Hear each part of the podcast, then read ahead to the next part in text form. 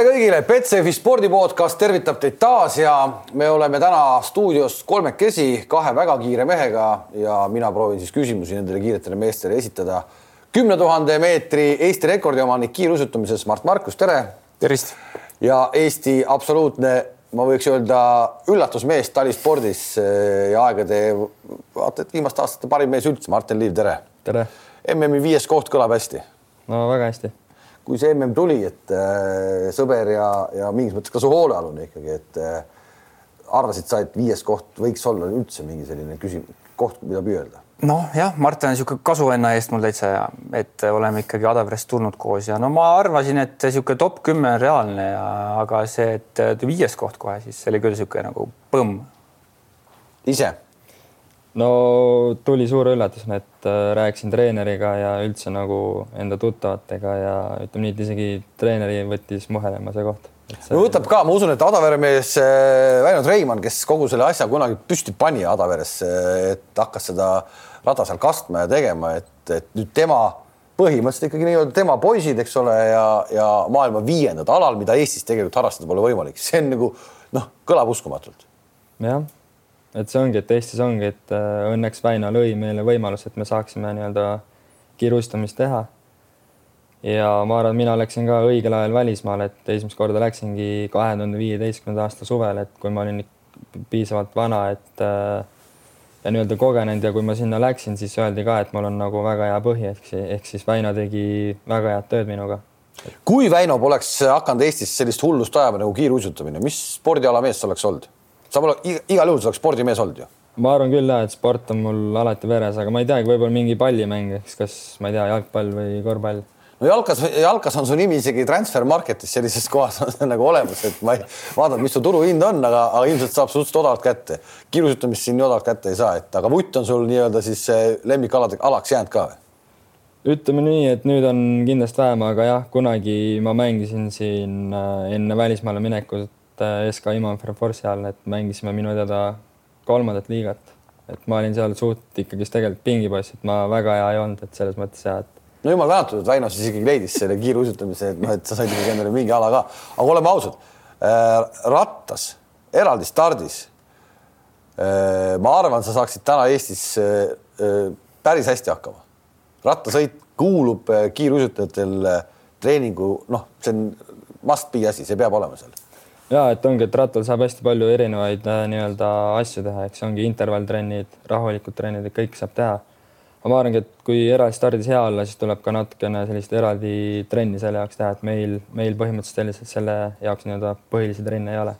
Martu, sina tegelikult alustasid seal Adaveres omal ajal samamoodi, eks, et äh, sa nii kõrge lennuga ei olnud nagu, nagu Martin on, et sa oled tast kuus aastat vanem, on ju kuus aastat enam-vähem mm -hmm. on ju, et, et noh, kas see oli siis veel see hetk, kus te nagu noh, käis nagu täielik kompimine, mida te üldse teete või, või miks, miks, miks hakkas alles nagu hiljem nagu vilju tulema sealt? no ütleme, et me ka see algus oli kõik nagu niisugune põlve otsas alustamine. et no me läksime esimesele võistlusele Lätti, oli mingit Euroopa karikas short track'is on ju.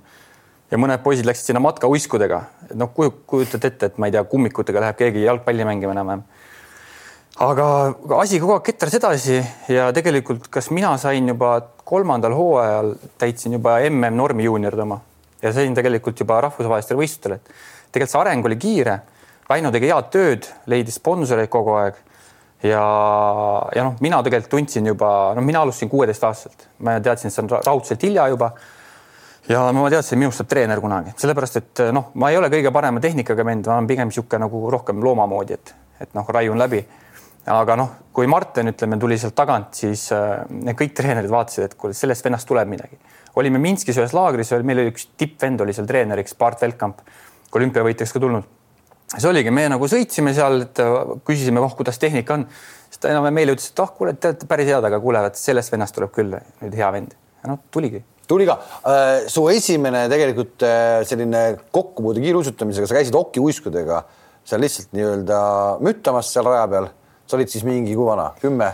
ma arvan, ma käisin kuskil juba lasteaia lõpus ja ma olin noorem ikka. noorem ikka. ma olin äkki esimeses klassis kindlasti. ja mingi hetk Väino tõi sulle siis äh, sellised äh, justkui kiirus, kiirusütlemissuisud, et nendega saab sõita küll. ja ma olingi niimoodi, et üks õhtu, mul on see järjejärg meeles, et üks õhtu ma sõitsingi hokiuiskudega ja siis Väino tuli Antsoni aegsete kiiruiskadega, ütles, et Antsoni aegse. Antsoni aegse. ehk igaks juhuks ütleme ära ka Youtube'is on nooremad vaatajad, see Antsoni aegsed on siis aastast tuhat üheksasada kuuskümmend neli.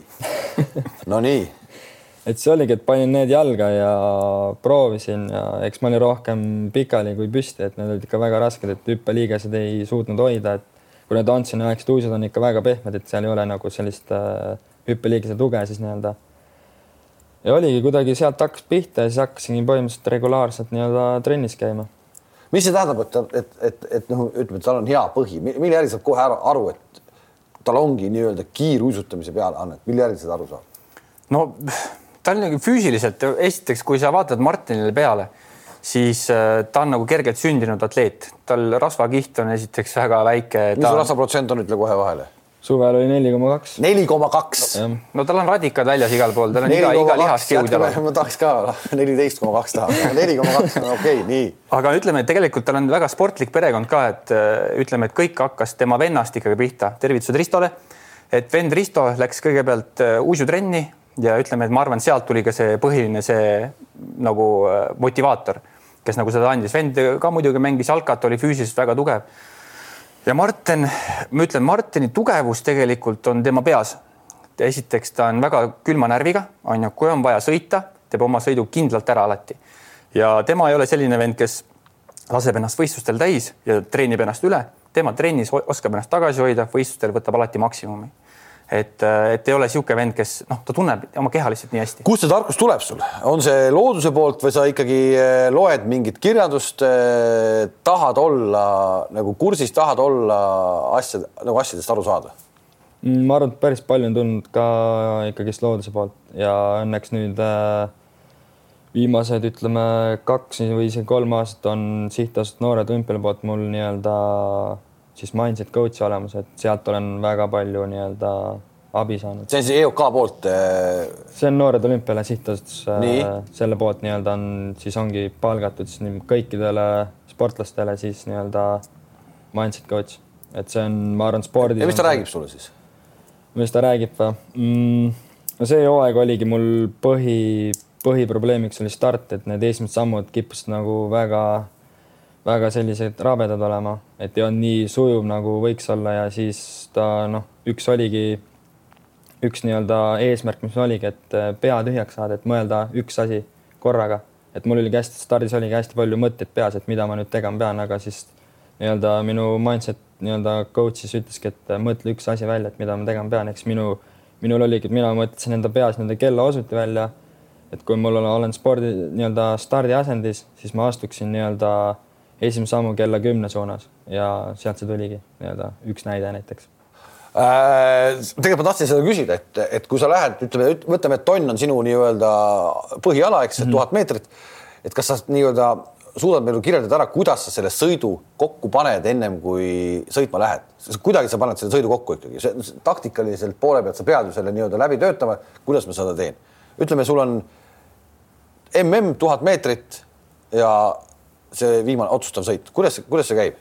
no üldjuhul mina võtan nii-öelda osadeks need, ehk siis ongi, et äh, tuhat meetrit, et kõigepealt on kakssada meetrit, mis on siis start. ja siis hakkangi mõtlema, et mida ma enne kurvi tegema pean, et kuidas kurvi sisenema. ja nii-öelda põhiliselt ongi, et äh, enne sõitu ma mõtlen ka natukene enda sõidu läbi, et, äh, et just nii-öelda kurvi trajektoori, et ei lähe mitte liiga kurvi sees, sest et muidu, kui sa jõuad nii-öelda keskkurvi, siis ta hakkab sind välja viskama, vaid ongi oluline, et äh, sa lähed võimalikult väljast kurvi ja hoiad enda trajektoori. no see kõlab nagu tegelikult selles mõttes nagu naljakalt, äh, kohe, kohe saad jätkata, et noh, seesama kurvi trajektoor, et ta, kõik saavad aru, et kui sa lähed liiga seest, et ta viskab su lõpus välja mm, -hmm. see on noh, ka autoringrajal sõites enam-vähem samamoodi, eks.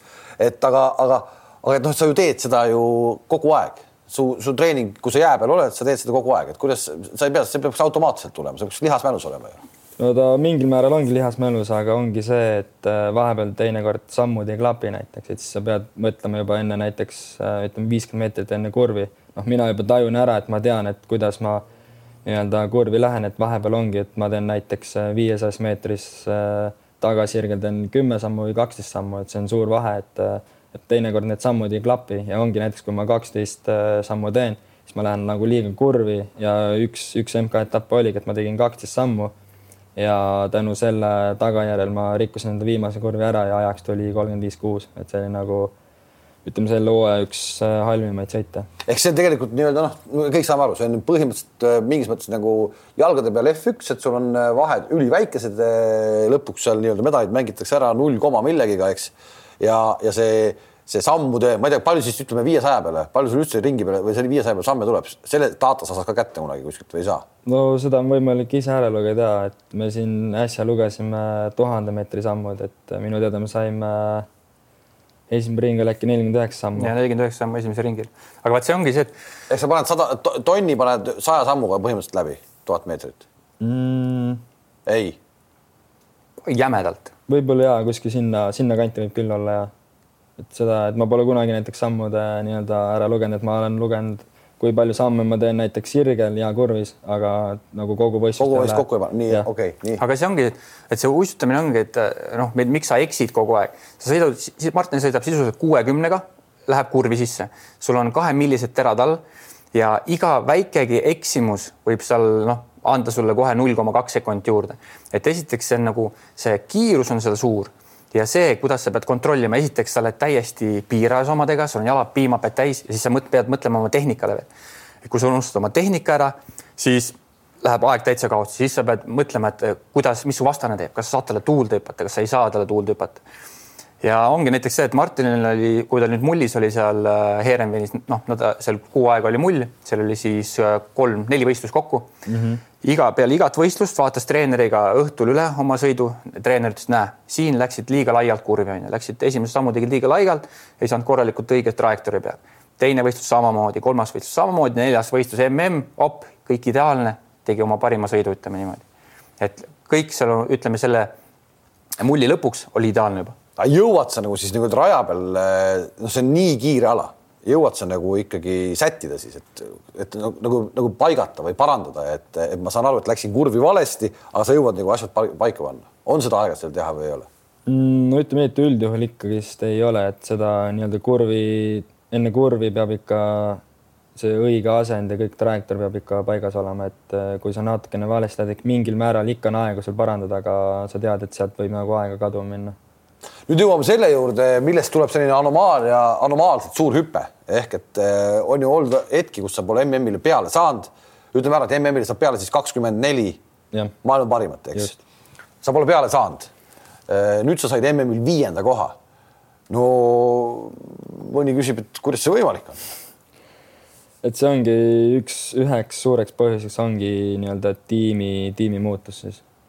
et sinna Hollandis, Hollandisse, Hollandisse minek jah sest lugu, et sa Hollandisse said tegelikult äh, kui see kiirelt ära rääkida, ongi nii, et sa, sa poleks pidanud sinna saama, sest et hollandlased ei võta vastu selliseid kotipoisse, kes MM-il ei saa ehk peale ei saa põhimõtteliselt, nad ei võta enda hoole aluseks selliseid. sa ei saanud ühele aastasele MM-ile kahekümne nelja parema hulka, ometi sinna Hollandisse said. kuidagi juhtus nii? kuidagi juhtus ja, et ma sain ise sellest teada, kui ma olin juba kaks kuud Hollandis olnud, et see ongi selline päris huvitav lugu, et me hiljem treeneritega naersime jah, niimoodi on, et peab olema siis nii-öelda eelnev MM-il pead olema kahekümne nelja hulgas ja kui sa pole, siis äh, nii-öelda Hollandi profimeeskonnaga liituda ei saa.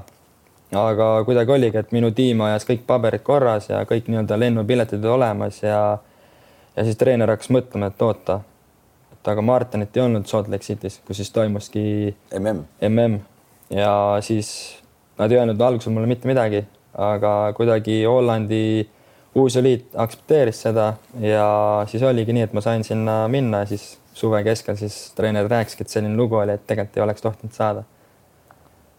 nii, aga sa said? sain. ja sellest oli noh, nagu me kõik teame, no räägi, kirjelda natuke lihtsalt, mis on siis nii teistmoodi selles kiiruisutamise mekas, nagu see Holland on. Hollandit võib võrrelda ilmselt kiiruisutamisesse äh, talialadest suusatamisest, laskesuusatamisest Norraga, põhimõtteliselt võime ma arvan küll ja et seal on kõik sellised, no ütleme nii, et MM-il sai kindlasti kõige rohkem äh, medaleid just Holland. no see on eluaeg nii olnud, noh. see on ikka väga-väga harva, kui Holland ei saa kõige rohkem medaleid, mulle tundub nii, nii. mis, aga mis see on siis, mis, mis seal siis nüüd nii teistmoodi tehakse, kui palju see professionaalsem on võrreldes sellega, mis sa olid ju Austrias ka, eks, okei okay,, sa sattusid mm -hmm. valesse gruppi, sa sõitsid pikamaauisutajatega ühes grupis, mis ilmselgelt sulle ei sobinud, onju. et no mhm. aga ikkagi, mis seal Hollandis tehti siis nii teistmoodi, et sa nii heaks said? Võib-olla üks asi oli juba see, et ma viibisin jää peal tunduvalt rohkem kui eelmised hooajad, et ma olingi, et me saime uisuda alla kuskil augusti, augusti keskel ja kuni siis nii-öelda MM-ini oligi. ja praktiliselt äh, ma ei olnud jää pealt eemal rohkem kui kolm päeva, kohe kindlasti mitte. et varasemalt, kui ma siin olingi poolakatega või Austria koondisega, siis oligi, et tihtipeale tulin Eestis, olingi näiteks üks või kaks nädalat eemal siis läksin jälle jäälaagrisse, siis otsisin jälle sellist tunnetust, aga nüüd oligi see hooaeg oli kogu aeg mul selline jäätunnetus olemas ja selle poolt puhul oligi nagu hea oli nagu kogu aeg sõita. ja kindlasti jõusaali treeningud ka muutusid kardinaalselt, et, et mul ongi nüüd eraldi jõusaali treener, et kui ma olin näiteks poolakatega, siis mul oligi Soome treener siis nii-öelda, kes juhendab meid jääl, juhendas ka nii-öelda jõusaalis, et sealt tuli meeletu areng, et ma võtsin suvega juurde kolm kilo ja ma ütlen puhtalt, et see on lihas. no ei saagi muud olla, kui me kuulsime, et rasvaprotsent on neli koma kaks, et sealt nagu midagi muud ei saagi olla. nii. et rattatreeningud olid äh, tunduvalt erinevad palju see rattamaht on, lihtsalt päris huvitav, palju on rattamaht, see on tegelikult äh, ikka päris palju kilomeetreid. aasta jooksul minu teada see hooaeg või siis eelmine hooaeg ma sõitsin kuskil üheksa tuhande kanti. üheksa tuhat? See, see on puhas rattatrenn lihtsalt, eh, et siis teed veel uisutrenni ja muud jõusaali kõike juurde. jah, just. ja palju sul jääkilomeetreid tuleb, kui, kas sa üldse mõõda, mõõdate seda või see on lihtsalt jää on ikka puhas tehnikaala äh,? seda ei mõõda, et ei tea et üldse, et äh, vahepeal mul ei ole üldse kella ka peal, et põhimõtteliselt pulsivööd ma jää peal ei kasuta, et kuna ei ole mõtet, et kui juba võtad asendi sisse ja isegi sõidad seal ütleme ringe neljakümnega, siis on pulss ikka päris, päris laes, et see uisutamine, uisuasend on selline suhteliselt laktaatne ala ikkagist ometi äh, sa ise ütlesid, et äh, Hollandisse minnes äh, üks asi, mis aastaid juba kiirusutamist tegelikult ei olnud, eks ole, ja üks asi, mis selgelt kohe paranes, oli kurvi läbimise tehnika. kuidas sa kirjeldasid seda, et ma ei tea, kas siit saame vaadata või ei saa, aga selliste, selliste videote tegemine on siis nagu täitsa tavaline, eks, ja pärast see analüüsitakse läbi. ja see, et, et ta kurvist läheb siis, kuidas sa ütled, õlad mitte sisse, vaid kurvist nagu välja. vastupidi et minul oli niimoodi, et mul olid äh, õlad olid liiga väljas ja no just, et, see aeg oligi, et ma muutsin nii-öelda kurvi asendit õlad natuke sissepoole. ehk siis sinna, et põhimõtteliselt sul õlad on seal, kuhu sa lähed. ehk siis kurvi, kurvi poole kaldu. sa lähed kaasa rajaga. sul tehnika oli, et sa lähed rajalt välja. ja minul oli ja, et mul olid nagu õlad, õlad olid liiga, liiga väljas. Mart, selline, selline nagu teadmine, sa jah, oled ka justkui ikkagi ju treener ja värgid ja särgid, et noh, sa näed seda kõike kõrvalt nüüd kui palju see sulle sind nagu paremaks teeb, et, et sa kuuled selliseid asju? mina kogu aeg, et hoian ikka kõrvad lahti, kui näiteks see treener Martiniga rääkis, et ma mingit oma tõde taga ei aja ja proovin alati nagu targemaks saada. aga Martinil jah, et ütleme, ütleme uisutamises on tehnika, mis, mis peab olema ikkagi suhteliselt paigas ja teine asi on stiil on ju. et võib-olla see Martini kurvi läbi, mis oli ka rohkem niisugune stiilivärk ja see, see õlgade asend pigem muutis need teised asjad ära, sest noh, uisutamine on ikkagi keer, väga keeruline spordiala seal peavad olema puusad õiges asendis, kõik need jalanurgad. et võib-olla oligi see, et see õlgade asend muutis ta puusade asendit ja tänu sellele sõitis kurvi natukene kehvemini. aga ütleme, et see eh, videoanalüüsid ja selline analüüsimine, treeningute analüüsimine, see läks kohe tunduvalt professionaalsemaks, sest, sest Hollandis ei käi asjad nagu ehku peale, et seal nagu eh, käib uisutamine täispanga peale ja seal see kõik asjad on seal, ütleme noh, peajagu maailmast üle et uisutajad on seal superstaarid, et nagu ma ei tea, nagu Norras on Kläbo, on äh, seal äh, Sven Kramer on seal Hollandis. et äh, seal noh, elatakse uisutamise järgi päris palju ikkagi. mis tähendab superstaar Hollandis olla uisutamisest? sa näed, et sa saad sellest aru, et nad on seal superstaarid? no ikka, et nad on ikka päris, päris suured selles mõttes tegijad, et, et ma mäletan, et Mart küsis, et et kunagi äkki suvel et kumb on Hollandis staarim, kas Matthew Van Der Poel, kes on siis äh, kõva kui tsüklokrossi sõitja või Sven Kramer, siis ma Hollandi tiimikaaslast küsisin, et kumb see kõvem on, siis nad ütlesid Sven Kramer, et et uistamine on ikka väga-väga populaarne. aga jalgpallurid? no ma ei tea, eks jalgpallurid on kindlasti kuulsamad, aga, aga uisutamine on ikka, ikka kõvasti, et ma tean, et äh, nüüd, kui oli muljeaeg ja võistlus toimus, siis äh, puhtalt Hollandis vaatasid uisutamist kaks miljonit inimest et see on päris, päris suur arv ikka tegelikult. kui sa võtad äh, selle Hollandi Rahvusringhäälingu nagu spordilehekülje lahti, siis seal on kolm ala. Esimesel jalgpall, rattasport, kiiruisutamine, et need on nagu siuksed A ja O seal. päris äge, räägi sellest kandepinnast ka siis seal, et kui palju siis nagu ikkagi massi on, kes lapsed viib kiirusutamise trenni, see, seda enam, seda enam kogu see Väino Treimani värk on uskumatu, et Eestis on võimalik selline asi saada, et sa lähed sinna ja sind võetakse sinna profitiimi vastu. ütleme veel kord ära, et Hollandis ei võeta profitiimiga rohkem välismaalaseid kui kaks, eks. sina oled üks ja üks Belgia poiss on teine. kui palju neid noori äh, viiakse trenni teadmisega, et noh, et äkki tuleb tast ka mingi kõva mees kiirusutaja? no Hollandis ma neid noori olen tegelikult üsna, üsna vähe näinud, et nendel on erinevatel aegadel jääajad, et seal on Hollandis on paika pandud jääajad et profitiimid ehk siis, kus mina treenin, on tavaliselt valitud kõige paremad äh, nii-öelda jääajad ehk siis enamasti ongi hommiku, ütleme kell, enamasti hakkaski meil üheksa kolmkümmend ja siis oli kaks jääaega, üks jääaeg on nelikümmend viis minutit. okei okay,, Hollandis oli nüüd nelikümmend minutit, see on jääpuhastus ja teine nelikümmend minutit. ja siis ma neid väga neid noori ei näinudki, et enam, enamasti nemad ikka uisutavad äh, pärastlõunal olümpia ja Peking on see, mis võiks olla järgmine selline suur samm, et äh, sul täna seda piletit veel ei ole, aga selle püüdmine hakkab peale nüüd äh, sügisel. sügisel novembrikuus jah. maailmakarika etapid ja mm -hmm. mis seal juhtuma peab, et sa selle pileti saaksid? et äh, nüüd ma olen A-divisjonis ja kui ma sain Pyeongchangi peale siis nii-öelda kiirema ajaga, siis tõenäoliselt ma loodan see hooaeg, et ma saan MK arvestuse punkti, punktitabeliga siis, et ma tean, et mingid kohad on tagatud äh, MK-etappide punktisummal, pluss siis mingid kohad on nii-öelda kiiremate ajaga.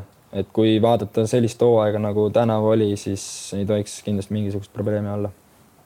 nõustud? ja täiesti kindel ja ma noh, näiteks eelmisel olümpial mul küsiti, et mis, mis sellest Martinist võib saada, siis ma ütlesin järgmisel olümpial esikuue seas, ülejärgmisel esikolme seas et võib-olla, võib-olla no, isegi kehvasti. vaatame seda esikolme värki, selles mõttes tegelikult on ju huvitav vaadata, et me rääkisime, et see on selline sajandike mäng, eks ole. kui me võtame tuhande meetri sinu isikliku rekordi üks null kaheksa eh, nelikümmend üks mhm. on vist, eks eh, maailmarekord üks null viis eh, kuus.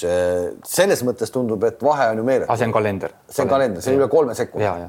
et kuidas me seal ikkagi siis medalile jõuame, kus me selle kolm sekundit kärbime? eeldusel, et ikkagi olümpial no selgelt ilmselt seal Pekingis ei panda, nii kiiret jääd ei ole, et sealt tuleks mingit maailmarekordit, on ju. aga samamoodi ei ole ka sina siis seal oma nii-öelda kiiruste mm -hmm. juures, et see kolm sekundit kuidagi ikkagi nagu astub edasi. no see ongi see, et, et kiired ajad sõidetakse üldiselt Salt Lake City's, Calgary's. Salt Lake City viimane mm, kus need maailmarekordid tuli, siis noh, seal olid kõik ideaalsed ilmatingimused ja ideaalne jää. et nagu hea on võrrelda pigem Martinilt, et mis oli tema MM-i viienda koha aeg ja mis oli nüüd MM-i võitja, et äh, seal vahe oli äh, null koma kaheksa sekundit äkki tuhandest meetrist. nüüd, nüüd tuhandes oli null koma kaheksa, jah? ja et oli üks ja sama sekund, et üks null kaheksa null ja minu aeg oli üks null kaheksa üheksa. Mhm. ehk siis selle pealt võiks ju loota küll, et sa peaks kärpima siis praegu selline null koma neli või, et äh, medali peale jõuda või?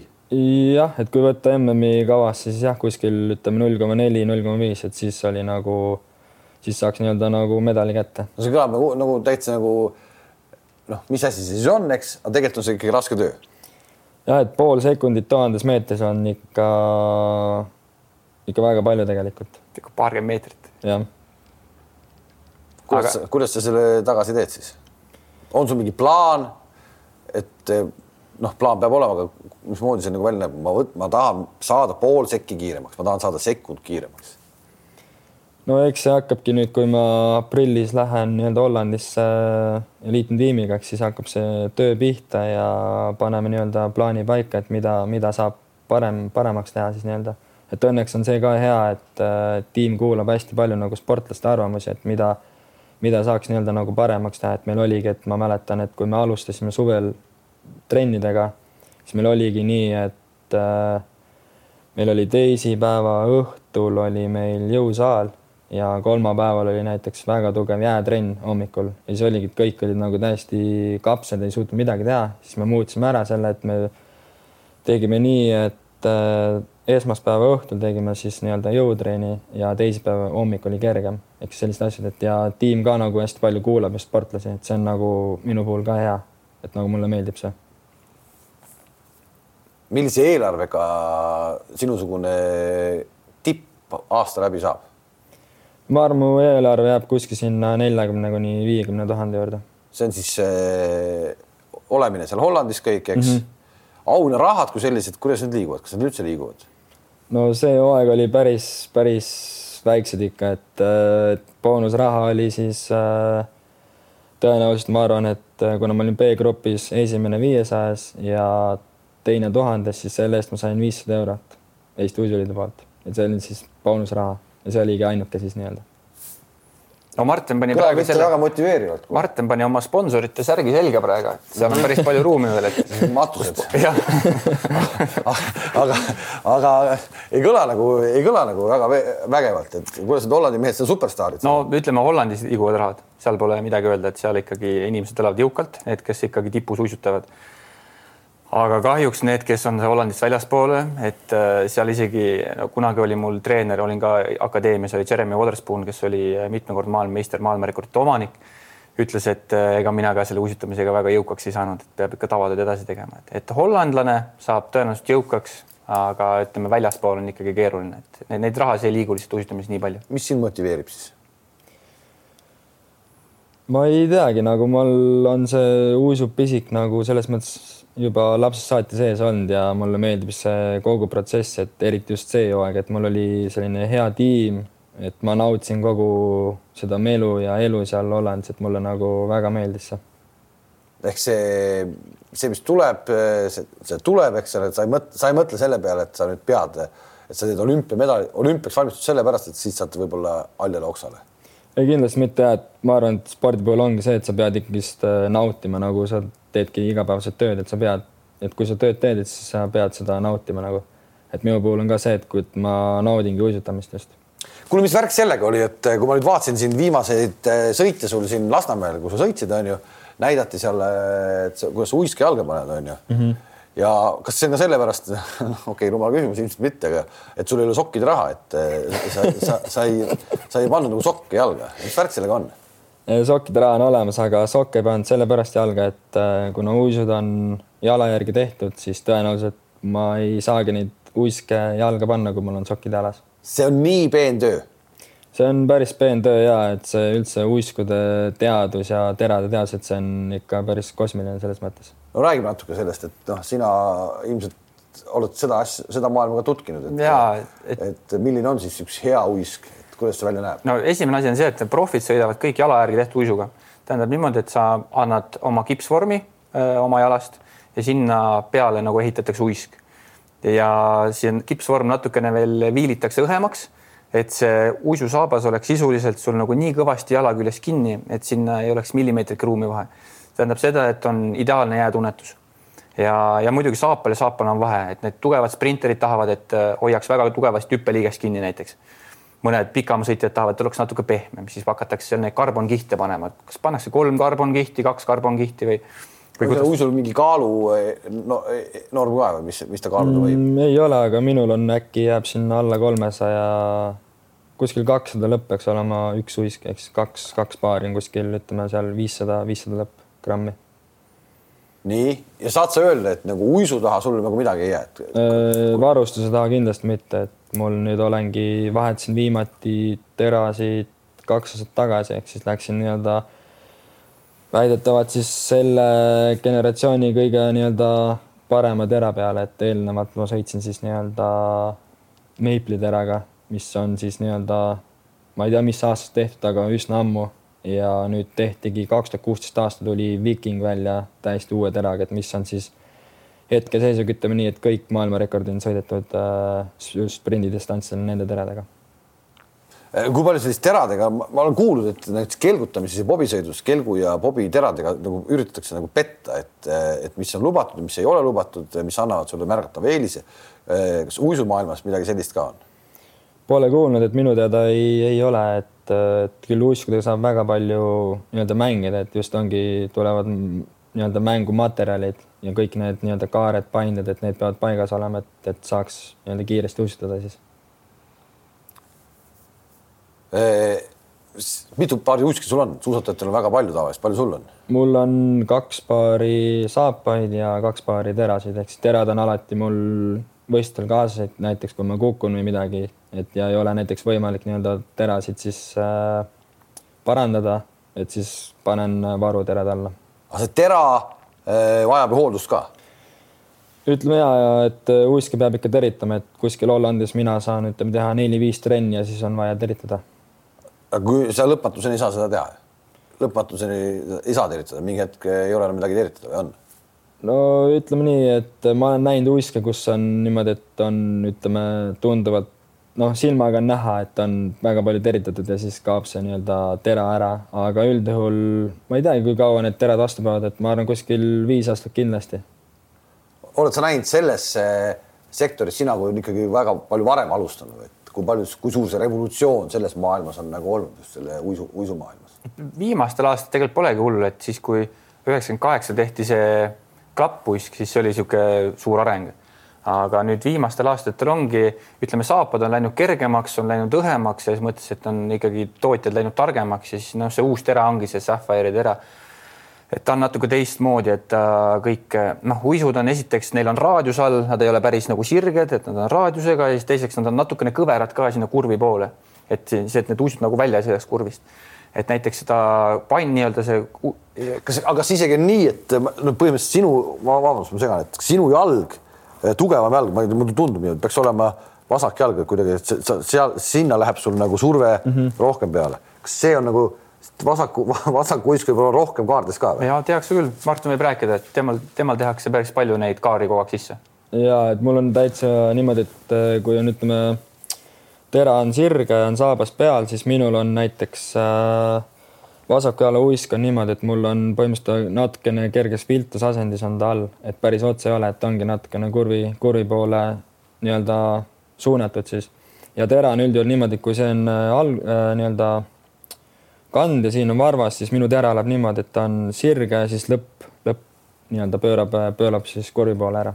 ehk siis aega võidetakse ikkagi põhimõtteliselt kurvis. Äh, sest sa pead ju mingi kompromissi tegema, sest sirget on ka vaja sõita aga nagu kõvera, kõvera teraga sirget sõita on kaunis, kaunis kummaline ju. no see ongi niimoodi, et see ongi, saab testida erinevaid asju, et ma olen ka testinud, et see hooaeg proovisime natukene rohkem nii-öelda painet panna, et aga üldjuhul ma seda nii-öelda ei, ei tundnud kordagi, et oleks nagu terad nii-öelda kaardus siis sirgel, et see, et see kaar ongi nii või see paine ongi siis nii väike, et Just sa ei tunne seda. aga ometi kurvis saad aru, et see on, eks no kurvis on, kurvis on tunda, et, et midagi on, et ta ei hakka sind välja kiskuma, näiteks ongi, et kui sul on täitsa tera sirge ja sa lähedki näiteks viiekümne kurvi, siis ta hakkab sind juba näiteks välja vedama, aga kui sul on näiteks kerge, kerge paine olemas, siis sul on tunduvalt lihtsam seda kurvi, kurvi sõita siis. No see kõlab ikkagi nagu ju noh, absoluutne teadus. ja ütleme uisutamises ongi seitsekümmend prossu tööst tehakse ära kurvis, kolmkümmend sirge peal, et sirge on niisugune tiksumine, aga see õige töö tehakse kurvis ära. ometi, miks see tiksumine, et ometi minu arust äh, äh, saab nagu, kui ma vaatan neid sõite vahel, siis äh, ja ma saan aru, et see on lubatud, et erinevalt mõnest teisest spordialast tuules sõitmine ei ole lubatud. seal passitakse taga, noh, okei okay,, sa ei saa passida seal nagu terve ringi taga, aga sirge peal võib taga passida. ja seal ongi kiiruisutamises on siis kaks rada, sise- ja välisrada ja siis tagasirgel on alati rajavahetus, tähendab seda kus nagu radasid maha pole märgitud, see, kes läheb sisekurvis, peab minema välja, kes tuleb väljast, peab sisse minema. ja seal on niisugune vaba tsoon nii-öelda, et kui sa saad täpselt õigel kiirusel tulla ja saad teisele uisutajale tuulde, siis sa saad sada meetrit tema tuulest tiksuda. see on tohutu, tohutu võit. see on, see on pikk aeg, sada meetrit seal, kus sul on ikkagi täiesti punases oled igatepidi, seal natuke tuult sa tuulekotis olla aitab palju ma arvan küll ja et ma ajaliselt nii ei tea, aga ma arvan, et null koma üks sekundit võib kohe kindlasti tuhandes meetris nii-öelda juurde anda, see tuules olek just, et sa saadki nii-öelda säästa enda energiat ja siis võib-olla natukene juurde panna siis viimases kurvis, kui sa lähed näiteks äh, siserajale tuhandes meetris. ja see on lubatud, see on, see on absoluutselt lubatud, see ei ole, ei ole keelatud. see on lubatud jah. mõeld-, mõeld-, mõni sportlane mängibki selle peale äkki, et ta arvutab läbi ja ma tahangi, et ma, ma võtangi seal tuules, võtangi meelega sinna taha. pikad distantsidel on niimoodi olnud, et, et reaalselt äh, tuleb uisutaja teisele uisutajale tuulde ja libiseb lihtsalt tagasirge, siis oled kaks jalga maas, ei teegi tööd, onju. ja siis kogu aeg saab niimoodi tuulde ja tänu sellele hoiab nii palju energiat kokku, et et sprindis see vist ei tööta. sprindis ei tööta, pikad distantsid on nagu tunduvalt lihtsam, aga sprindis on jälle see, et kui sa saad kedagi nagu reaalselt eest taga ajada, see niisugune motivaator on ees, et see annab nagu hästi palju juurde, et näiteks Martin Liivil oli ka kui sa, ta oli eh, MM-il, pidi startima välisrajalt tuhande, tuhandel meetril on ju. et kui sa stardid välisrajalt, siis tähendab see, et see viimane sirge, kus on see rajavahetus, sa ei saa kellegi tuult võtta ja tänu sellele näiteks see paariline sai tema taga natuke tuult, sai seda motivatsiooni, et Martin on ees, ma püüan ta kinni ja saigi ta viimase ringiga kätte. et näiteks see, et eh, kuidas sulle see rada loositakse, et see on ka uisutajate puhul hästi oluline, et kas sa saad seal siserajal või välisrajal startida. ehk sa peaksid, sa tahaksid startida siserajal. jah, et juba stardis võib natukene võita, et kui ma siin näiteks äh, MK-etapil, teisel MK-etapil startsin seest ja kahesaja meetri aeg oli minu teada kuusteist koma viiskümmend viis. siis MM-il startsin väljast, oli kuusteist koma kuuskümmend kuus ehk siis null koma üksteist sekundit äh, aeglasem. ja see ongi tänu sellele, et äh, kui sa stardid sees, siis sul natukene rohkem sirget ehk siis sa rohkem, äh, saad kiirema hoo sisse ja kuna siseraadius on ka väiksem, siis sul on, tundub lihtsam seda sõita, et välikurv on, välikurvi raadius on palju pikem ja seda on nagu väikse hoo pealt raskem sõita. ometi MM-il, kas sa, kas esimene, esimese ringi järel oli su kolmas aeg kolmas ja siis sa kustusid nagu teise ringiga nagu noh, mis kustusid, noh kustusid ära, kustusid viiendaks. no natuke. esimese ringi mees otsustas kõvem või? Ütleme ja, et kuidagi endalegi tuli, tuli üllatuseks see, et äh, näitasin väga head sellist äh, ringi aega, et äh, minu teada ma sõitsingi oma karjääri ühe kiirema ringi ajamise. ja see oli väljas startides? see oli väljas startides ja. Noh, me võime ainult mõelda siis, kui ta oleks sees saanud. ja, ja, et tal oli näiteks esimese kuuesaja meetri vaheaeg oli sajandikuga umbes sama Pavel Kulisnikoviga. kes on siis hetkel maailma absoluutne tipp. jah, et tal oli sajandiku pealt täna või kümnendiku pealt oli võrdne ja siis nagu selle lõpuga natuke läks käest ära. mis pärast treener ütles? aga miks, kuidas sa ise, kuidas sa ise analüüsid siis seda, et miks ära, miks see kustumine tuli, et kas see kustumine oli liiga järsk, mida ei oleks tohtinud olla või oli see algus äkki liiga kiire? Mm, no vot nüüd ei teagi selles mõttes, et algus oli kiire, aga nagu tuhat meetrit ongi selline, et sa pead lihtsalt eh, kiiresti alu, alustama, et seal ei ole niimoodi, et noh, et ma hoian natuke tagasi, et viimast ringi nii-öelda paremini sõita, et seal ei ole sellist asja, et eh, põhimõtteliselt kui tuhat on, siis tuleb ikka nii-öelda üheksakümne viie protsendiga sõita ikka. ja noh, treener oli nagu väga rahul selles mõttes, et, äh, et kui ma sõitsin nii-öelda nädal varem, parandan kaks nädalat varem äh, MK-etappi, siis mul näiteks viimane ring oli kakskümmend kuus seitse, et kui ma oleks sellise ringi sõitnud äh, MM-il, siis oleks nagu medal olnud.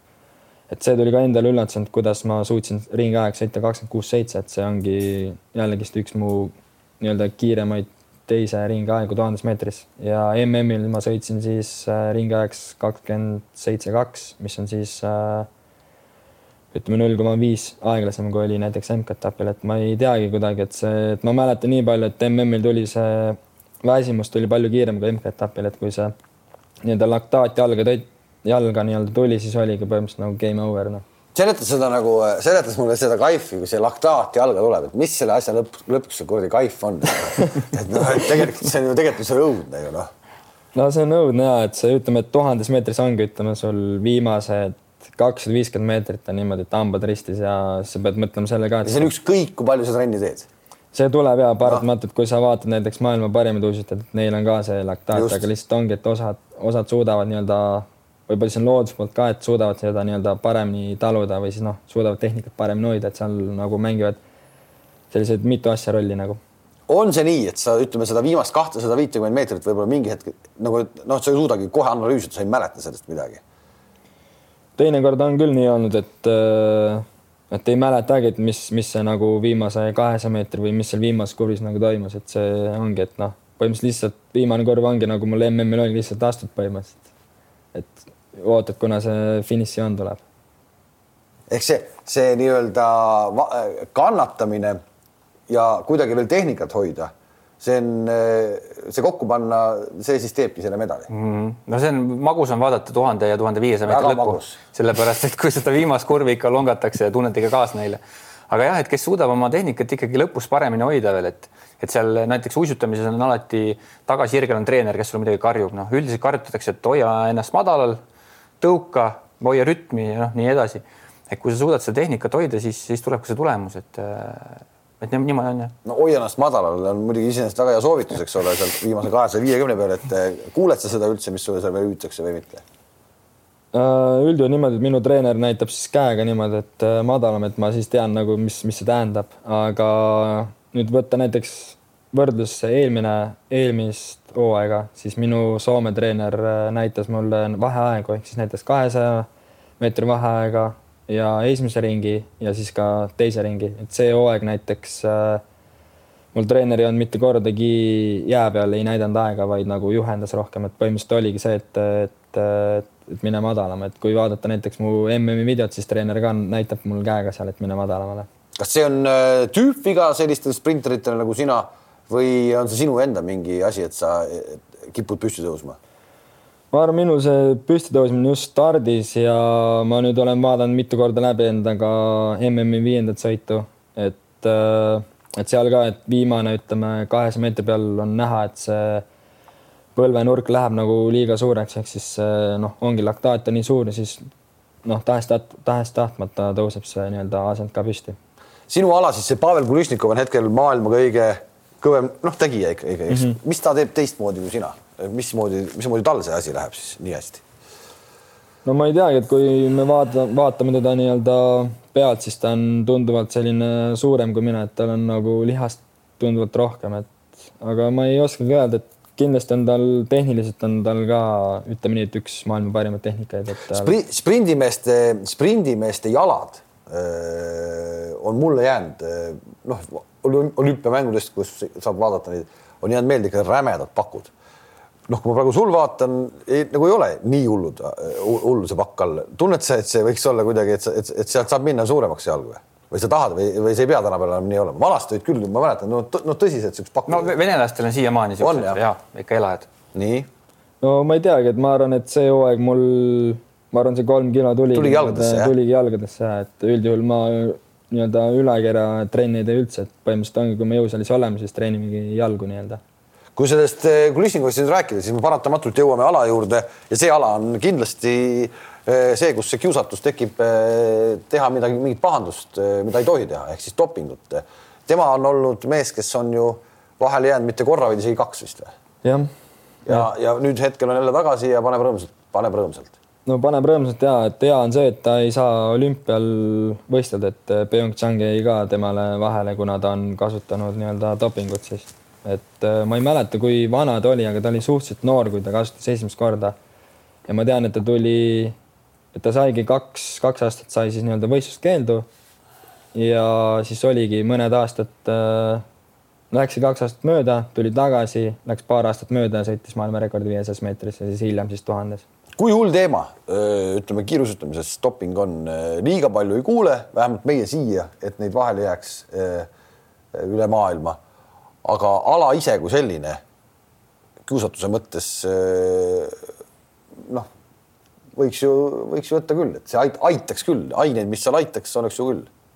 no ikka on, ikka on jäänud ikka vahele, et just pikkadel distantsidel ja nüüd selles samas mis aadrilaskmine oli, kus meie suusapoisid olid vahel, et seal, sinna olid seotud ka üks saksa uisutaja, kes nüüd on viimased aastad nüüd muidugi treener olnud et on ja noh, ütleme venelastega on ikka see kaasas käinud, et noh, Kulisnikov on ka minu aja poiss, et ma mäletan teda, et oli niisugune väike poiss ja üks, üks aasta läks mööda, et enam polnudki nii väike poiss. ja eks see jah, ütleme sprindis, ma arvan, annab ikka tohutult juurde, kui see, kui sa mingisugused saast endale sisse ajad, aga aga üldiselt äh, Holland, sealt pole midagi tulnud näiteks ja üldiselt väga suuri skandaale pole olnud, aga ikkagi vahel on midagi ikka jäänud kuidas see Holland suudab siis nii puhas olla ja samas kõiki asju ära võita? jälle tegelikult puhas, puhas nii-öelda Norra case eh, suusatamises. no ma arvan, hollandlastel ongi need teadmised võib-olla, mis, mis siis teistel tiimidel võib-olla puuduvad, et kuna seal ongi see uusitamine on juba maast madalast nagu olnud selline noh, võib öelda, et nagu justkui rahvasport, et ma ise nagu kogesin ka seda nii-öelda just seda, et, et kui siin läks eh, pärast mulli läks eh, noh, tekkis miinuskraadid ja, ja nii-öelda järved läksid jäässe ja siis ma läksin ise ka ühel pühapäeval uisutama ja no ma pole sellist pilti näinud, et põhimõtteliselt oligi suur Tuhat. järv ja rahvast oli nii palju, et tead, et mahtunudki ära ja see oli nagu väga julm pilt selles mõttes nagu hea. tuhanded, tuhanded inimesed panevadki. ja ikka seal oli ikka no ütleme nii, et äh, tee läks sinna, ütleme kilomeetrite viisi oli nii-öelda autod pargitud, et see on ikka nende jaoks on see suur asi, kui näiteks lähevad äh, järved jäässe. no iseenesest juba see fakt, et sul vaatab kaks miljonit inimest eh, telerist eh, MM-i, siis see on, see on, see on suur number. ometi Hollandis on jääolusid palju, uisutada saab igal pool. aga kui sa tahad ikkagi maailma nagu tippaegu sõita, siis Hollandis neid välja ei sõideta. ja seal ei ole põhjus selles, et nad ei oskaks jääd teha, vaid lihtsalt juba füüsika on selline, et, et seal ei saagi sõita nii kiiresti jah, et praegu ongi maailmas kaks kiiremat rada on äh, Salt Lake City ja Calgary, et need mõlemad ongi kuskil merepinnast on üle tuhande meetri, ehk siis ongi õhk on hõredam ja sa lihtsalt liigudki puhtalt selle tõttu kiiremini seal. ometi jäämeistrid kui sellised, no võtame sellesama Hollandi, eks, on ju ka täiesti äh, oma ala profid. et neile öeldakse nüüd tehke jää selline, selline, selline, kuidas see jää tegemine siis välja näeb. ja kui, kui see ei meeldi, sa ütlesid kuskil, et, et siis lastakse lahti lihtsalt.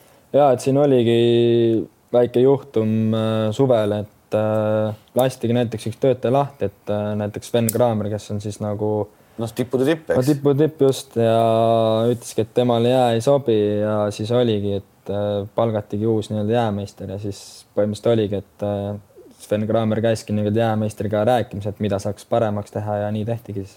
kas seesama Sven Kraamer üldse teab ka, et Adaveres niisugune jää on, et äh, poiss, ära vingu kõike saab teha, noh ah.. kui sa tahad ikka sporti teha, noh. ma kardan, et ta ei tea, millised tingimused meil siin Eestis on. kuidas sind vastu on võetud sellises nagu äh, tippriigis, et seesama Kraamer, kui me kuuleme, et mees mossitab ja tema pärast lastakse inimesi lahti, et jää ei ole piisavalt hea, et et millised, millised need suhted seal omavahel on? No mina treeningi põhimõtteliselt igapäevaselt nii-öelda Sven Kraameriga ühel jääl ja samuti on ka teisi, näiteks äh, Gild Näos, Toomas Kroll, kes on siis nii-öelda just tuhandes ja tuhande viiesajas nagu tipud. et ma treenin nagu nendega koos ja kui ma sinna nii-öelda Hollandisse läksin, siis nagu oli täitsa tavaline, et nad väga minust välja ei teinud ja siis hiljem, hiljem näiteks äh, kui noh, sõitsin juba tulemusi, siis näiteks Gild Näos rääkis minuga juttu, mida, mida ta pole kunagi teinud ja samuti viiesajas meetris üks Hollandi sprinter Dai Dai Endab hakkas minuga nagu suhtlema, et küsis, kuidas, kuidas Eestis olud on ja nagu selles mõttes läks nagu vestlus lahti. ehk et ikkagi sa pidid ennast natukene näitama ennast, mis mees sa oled ja siis ikkagi ässad hakkasid su alles rääkima.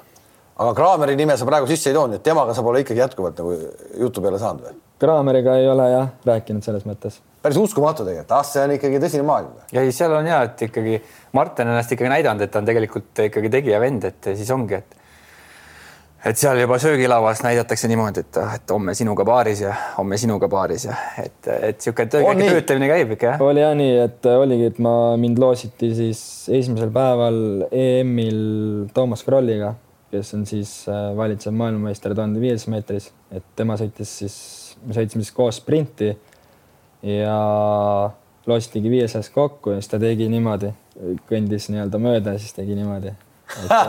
tegid vastu ka või? Tegin vastu ka ja ehk see tegelikult nii-öelda vaimne töö käib siis samamoodi. ja, ja aga noh, ütle, ütleme, et Mart... isegi, isegi treeningprotsesside ajal ma, ma ei kujuta ette, et noh, et sa teete koos jää peal trenni ja te ei, ei, ei suhtle, et sind pole olemas. no põhimõtteliselt ja, et äh, üldjuhul ongi niimoodi, et tiimid hoiavad ka nagu eraldi, et ma tean, et äh, et võib-olla Hollandis ongi kõige suuremad nii-öelda rivaalid on siis tiim Regebo ja tiim Lotto Jumbo. nüüd on tiim Jumbo-Visma, et äh, viimases tiimis ongi siis Kraamer. ja no seal on küll, et nad hoiavad näiteks äh, täiesti eraldi, et ma tean, et mullis tehti isegi söögi, söögiisted eraldi, et pandi niimoodi, et on äh, tiim Jumbo, siis on meie ja siis on Regebo. et nad ei tahtnud, et Regebo ja Jumbo on koos ehk tegelikult sellised folkloorid kõiksugustest toidu mürgitamistest ja asjadest, see tegelikult võib täitsa reaalne olla, et selliseid asju võib ka juhtuda, kui, kui ikkagi nii Eh, nii hulluks minnakse omavahel? no ma ei tea, kas päris nii hulluks minna, aga kunagi ei tea selles mõttes. konkurents on seal kõva ja et, et eh, iga tiim tahab olla kindlasti nagu see number üks ja, ja näiteks see Lotto Wisma ongi, ta on selle rattatiimiga koos, et nad teevad hästi palju koostööd, nad on väga suur tiim ja ja kõik tahavad olla parimad ja kogu aeg käib see üleostmine ka, et eh, küll ostetakse sealt, Lotto ostab Regeprost üle ja siis sealt on igasugused lepingud ja et seal on niisugune kihev maailm, ütleme niimoodi uisutamises, et mida, mida mujal ei ole, et Hollandis on ikka melu käib. eks see on enam-vähem nagu ütleme korvpallis äh, olümpiaakos Panathinaikos omavahel mängijaid omal, omal ajal ei vahetanud, noh, täna Real Madrid, Barcelona liiga palju omavahel mängijaid ei vaheta. sama, täpselt sama case'is Hollandis kiiruisutamises. või, või ostetakse üle? no nüüd siin paar nädalat tagasi näiteks oli, et äh, üks äh, Jumbo-Visma sprinter, kes on nagu väga hea uisutaja, et äh, tuli ka Hollandi sprindimeistriks ja näiteks nüüd järgmisel hooajal ta sõidab siis nii-öelda rivaali all ehk siis tiim Regepohis, et sellised üleminekud olid. et kõige suuremad üleminekud toimusid ikkagist eelmine hooaeg, kui oligi äh, tiim Jumbo ja Regepoh vahetasid omavahel uisutajad, et äh, üks tiim Jumbo uisutaja läks Regepohi ja kaks Regepohi oma läksid Jumbosse, et tehti selline üleminek. mis see, äh, ära nüüd ütlesid, kus sa küsid, mis olud Eestis on, et kui sa ütlesid, et meil on Adaveres ja meil on Lasnamäel ka nüüd rada, aga seal ei ole neid kaitsmeid ei ole raja ääres, et. no ma olen näidanud pilte ja no nad ikka naersid selles mõttes, et, et Hollandis on minu teada hetkeseisuga viisteist jäähalli, et et. Äh, viisteist jäähalli. ja, et ja osad on niimoodi, et on nagu pool avatud, ehk siis on ainult nii-öelda küljed ehk siis katus on avatud, aga ikkagist on tunduvalt paremad tingimused kui, kui Lasnamäel. no Lasnamäel äh, sina vead seal yeah., eks, et see on ju ikkagi vahva, et seal on, et äh, minu sõber Vara Toomaski uisutada küll ei oska, aga oli käinud üks päev kümme ringi teinud ja ütles, et tema talve see sport on tehtud, et kõik saavad peale minna, kes tahavad ja mingil hetkel. ja seal ongi, on treeningajad ja siis on ka vaba, vaba jää, kus inimesed tulla.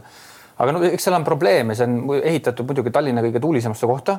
et kui me seal võistlust teeme, siis äh, ühel sirgel saame korraliku taganttuulega, paneme viiekümnega kurvi ja siis on nagu sein ees seal vastutuulega sõita ja no, ei no tingimused on võrdsed kõik. ja tingimused on muidugi võrdsed, aga ei, saab muidugi, äh, saab paremaks, aga üldse, et see asi tehti, see on nagu super, et, et me selle pooleteist kuu jooksul me oleme, saame seal saanud seal kaheksa starti juba teha, et äh, Martin proovis ka asja ära ja noh.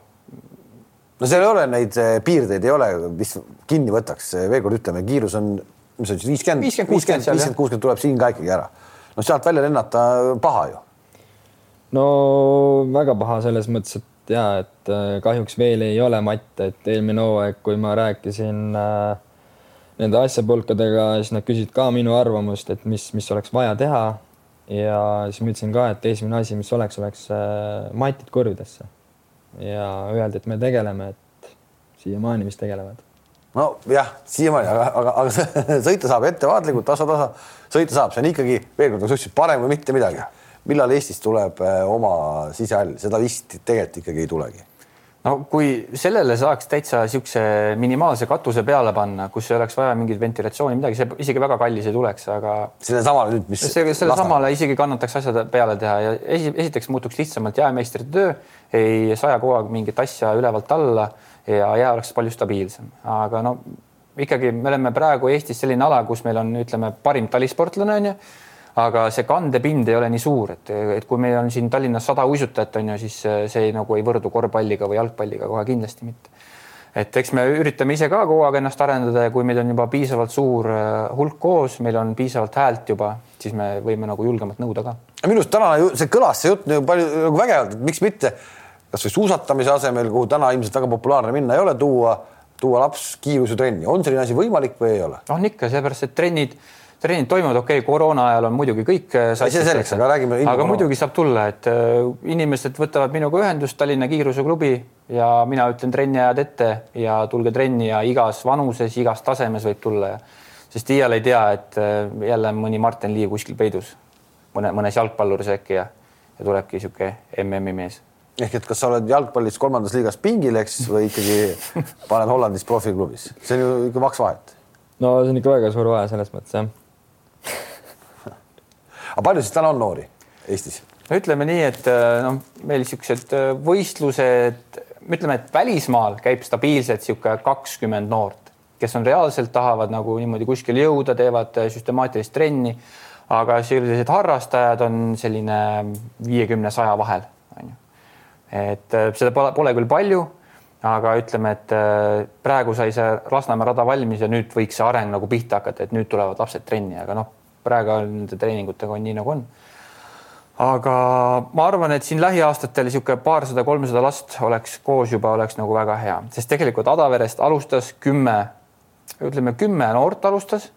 Nendest äh, kaks sai olümpiale, äh, viis käisid kokku juunioride MM-idel, et nagu päris hea protsent, et, et äh, kui tuleb siis sada, siis saab kakskümmend olümpiale no et ühesõnaga, et võib tulla küll Eestist absoluutselt, minu arust on see üks nagu Eesti spordi viimase ajaloos ilusamaid lugusid üldse, seesama täiesti lambist võetud teema, et teeme Adaverre selle ringi. Väino siis tegi, hakkas tegema seda asja. ma arvan, naeri oli alguses palju, kes naersid, eks. ja noh, tulemused on täna siin, Saskia Alusalu oli neljas, eks ole, olümpial ja sa nüüd ikkagi MM-i viies mees ja ikka väga tõsises konkurentsis. milline see sinu kõige metsikum unistus on, et eh, mis nüüd, mis nüüd juhtub sinuga lähiaastatel, kui kaua üldse veel, kas see olümpia nüüd, mis tuleb, põhimõtteliselt see jääb su viimaseks? ma ei ütleks nii, et ma olen kakskümmend neli, et siin ma arvan, mul on selline päris hea iga praegu, et äh, et kindlasti, et ma võtan nii-öelda aasta-aastalt, aga ma arvan, et see Pekingi olümpia ei jää viimaseks ka kindlasti. kuhumaani äh, kiiruisutajad, mis vanuseni suudavad areneda et nad lähevad veel ja veel ja veel paremaks. no seesama Pavel on ju sinust kuus aastat vanem, eks. kuus aastat, eks mhm. kolmkümmend on ju mm, -hmm. et äh, ja ikka jätkuvalt on hea. ütleme ja, et siin sprinteritel on võib-olla selline vanus kuskil ütleme kolmkümmend kolm, kolmkümmend neli, kus on nagu võib-olla hakkab natukene tagasi minema. et pikemauisutajad on kindlasti isegi äh, kolmkümmend viis pluss on seal nagu väga head seda võimalust ilmselt ei ole, et kui sa nii-öelda sprindis hakkad otsi kokku tõmbama, et sa lähed, teed veel paar viimast aastat pikka, pikemat maad, et see, see seal, see ei ole võimalik. et see ei ole võimalik jah, et kui, kui oledki lihtsalt looduse poolt, oled sprinter, siis, siis lihtsalt ongi seda pikka maad on, on nii-öelda raskem sõita ja seal on nagu raske läbi lüüa. ometi Mardi kümne tuhande Eesti rekordi võiks ikkagi enda nimel võtta ju. Ma olen, ma olen mõelnud ja selle peale, et aga see on pigem selline väga kauge tulevik, et võib-olla ongi niimoodi, et öö, äh, otsustangi näiteks, et lõpetan uisutamise ära ja siis võtan näiteks üldse esile nii-öelda käsile siis suure mitmevõistluse, kus ongi siis äh, viissada, viis tuhat, tuhat viissada ja kümme tuhat ja see Eesti rekord kuulub äh, minu teada Eerik Idarannale. Need, nii-öelda see suur rekord, see kogu see. just. no vot see võikski jääda su karjääri viimaseks sõiduks ja siis teed lihtsalt niimoodi miks mitte, jah. on kahju ka natuke, et tegelikult läheb sul rekord käest ära. ei, ma arvan, et kui ta paneks praegu uusid jalga ja läheks seda sõitma, ta sõidaks selle üle. et äh, see, ta on ikkagi. oota, ütle, mis seal oli, viisteist? viisteist, neliteist. viisteist, neliteist on Eesti rekord. sa pead kolmekümne kuue sekundiga kõik ringid sõitma ja ma arvan, et ta on selleks väga vabalt praegu võimeline. aga ma ütlesin talle, meil olid suures mitmevõistlusel teiste meistrivõistlust nädalavahetusel, ma ütlesin, et tule starti, tee mulle pähe ja oled kunn. aga ei tulnud, treener ütles, et ära mine, sõida sprint ära ja siis hakka puhkama. no nii oligi. ja nii oligi. aga kuidas sul on, et eh, kui palju sul nüüd nii-öelda Hollandist eh, lubatakse hullama tulla siia, siia sellisele rajale, kus eh, on ohtlik? Mm, no ma rääkisin treeneriga kõik läbi, et mis, mis olukorrad on ja ta ütles ka, et, et kuna mu tiim siis lõpetas nii-öelda minuga võrreldes hooaja nädal varem ära kuna siis ma otsustasimegi treeneriga, et me võtame siis need eestikad ette, et võistleme ära ja siis pärast seda hakkame puhkama. ja siis treener ütles ka, et et lihtsalt tee selline sõidud, et püsti jääks, et mingit sellist äh, vigastust ei taha, et äh, kuna matt ei ole ja minu teada võistluspäeval ei olnud nagu lumi ka sulas ära ja oligi põhimõtteliselt muru, muru oli väljas juba ja et see ongi, et võib igasuguseid asju juhtuda. mis su suurim kukkumine on, oled sa üldse pannud külje maha või mm,? olen ikka et võib-olla suurem, suurim kukkumine oligi kaks tuhat üheksateist aasta oktoobrikuus testvõistluse Inselis, kui ma, kui ma kukkusin kurvis ja oli niimoodi, et Inselis on hästi kehvad nii-öelda matid ja paningi matti kurvi, ütleme esiotsas, et ma seal oli, keegi oli uisut-, kuna uisutatud nii palju peal ja kurvides on sellised koonused ja keegi oli sõitnud nende koonustele otsa. Mina mäletan, et kurvis oli kuskil neli koonust ja mina astusin täpselt ühe koonuse peale ja siis üks hetk olingi pikali ja seal väga palju nii-öelda kehaasendi korrigeerimise ruumi ei olnud. ja paningi täiega matti ja siis matit põrkasin tagasi ja peaga vastu jääd ja tänu sellele ei saanud ma siis äh, järgmist distantsiks, järgmist distantsiks siis tuhat meetrit sõita ja pärast ma mäletan, et oli no ikka räige peavalu oli, et ma pidin kaks tabletti võtma, et, et nii-öelda valu ära kaoks ja siis sain rahulikult magama minna ja ütleme, et nii, et kaks päeva andis veel tunda. no kiirused on tegelikult nii rajud, et see aga kiirusutajad ei kasuta kiivreid mm.. olid ajad, kui jalgratturid ka kiivreid ei kasutanud, kuni juhtusid suured pahandused, kui aktuaalne see on, et mm., et kiivrit hakata kasutama. nüüd on tulnud uued alad sisse, Massstart, need tiimivõistlused, jälitussõidud, et seal on juba kohustuslik kiiver, et kui on rohkem kui nagu nii-öelda kolm võistlejat rajal, kus on tiimiga, siis peab juba kiiver peas olema aga see on tulnud ja läinud aktuaalseks sellepärast, et noh, matid on igal pool erinevad, näiteks paar aastat tagasi käisime juunioride MM-il Itaalias, kus olid sellised matid, et kui inimene sõitis matti, ta viskas umbes kaks meetrit ülesse ja sellele pauh jälle tagasi. ja siis seal.... kuidas selline üldse nagu läbi läheb? ei saa aru ja sellel võistlusel juhtus niimoodi ja kolm inimest viidi kiirabiga minema. Ja siis äh, venelased ka, tiimliiderite miiting oli, siis ütlesid ka, et kuulge, et me ei saa niisuguste mattidega sõita ju, et tapame muisutada ära. et, et see kiiver on jah, et aga kui need ikkagi üksikdistantsid on, kus on mees mehe vastu, naise, naine naise vastu, et seal praegu nagu seda mingit kohustust pole jah jäi sul endal kummitama ka see nii-öelda maok-, maokas mm,? alguses kindlasti, et kui ma nii-öelda jääle tagasi läksin, siis hoidsin küll nagu natuke tagasi, aga näiteks praegusel hetkel on see täiesti nagu kadunud. Igal juhul väga äge oli teiega rääkida ja, ja üks ilusamaid muinasjutte viimasel ajal Eesti spordis, loodame, et see kestab ja ja, kui sa noh, medali ära tood, see on ikkagi uskumatu, kui sa, kui sa seda suudad teha aga edu sulle, ma ei tea, kuidas sul nüüd suvi välja näeb, et eh, praegu on mingi väike puhkus, eks? praegu on ja, et nüüd mul hetkel ongi, käib siis teine nädal, kus on siis nagu praktiliselt ma ei tee mitte midagi ja siis järgmine nädal esmaspäevast hakkab nii-öelda kerged trennid pihta, ehk siis põhimõtteliselt äh, istun jälle ratta otsa ja hakkab pihta ja. sa kui... paned pukki siis või lähed täitsa maantee peale? Lähen täitsa maantee peale, sellepärast et siin on maanteed juba täitsa kuivad ja õnneks lumi ka sulab kiirelt ja tundub, et temperatuur on ka täitsa okei okay., et Hollandis seal sai poolteist tundi null kraadiga täitsa vabalt sõita, et selles mõttes oligi, et äh, ma praktiliselt pukki sõitsingi ülivähe, et äh, Hollandis oli nii hea talv, et sai kõik nii-öelda rattatrennid väljas tehtud. Lähed tuulde, püsid ära tuules?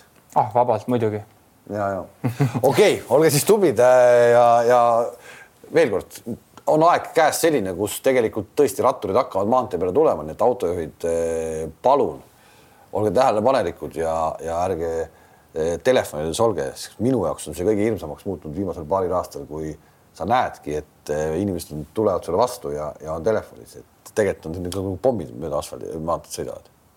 jah. käib närvidele no käib küll ja et õnneks, õnneks pole neid nii-öelda juhtumeid väga palju olnud, et, et loodame, et ei teki ka. nii on, aitäh, et tulite ja veel kord edu, äh, aitäh, et vaatasite. Need olid siis meie kiiruisutajad, Eesti kõige kiiremad mehed uiskude peal. kohtumiseni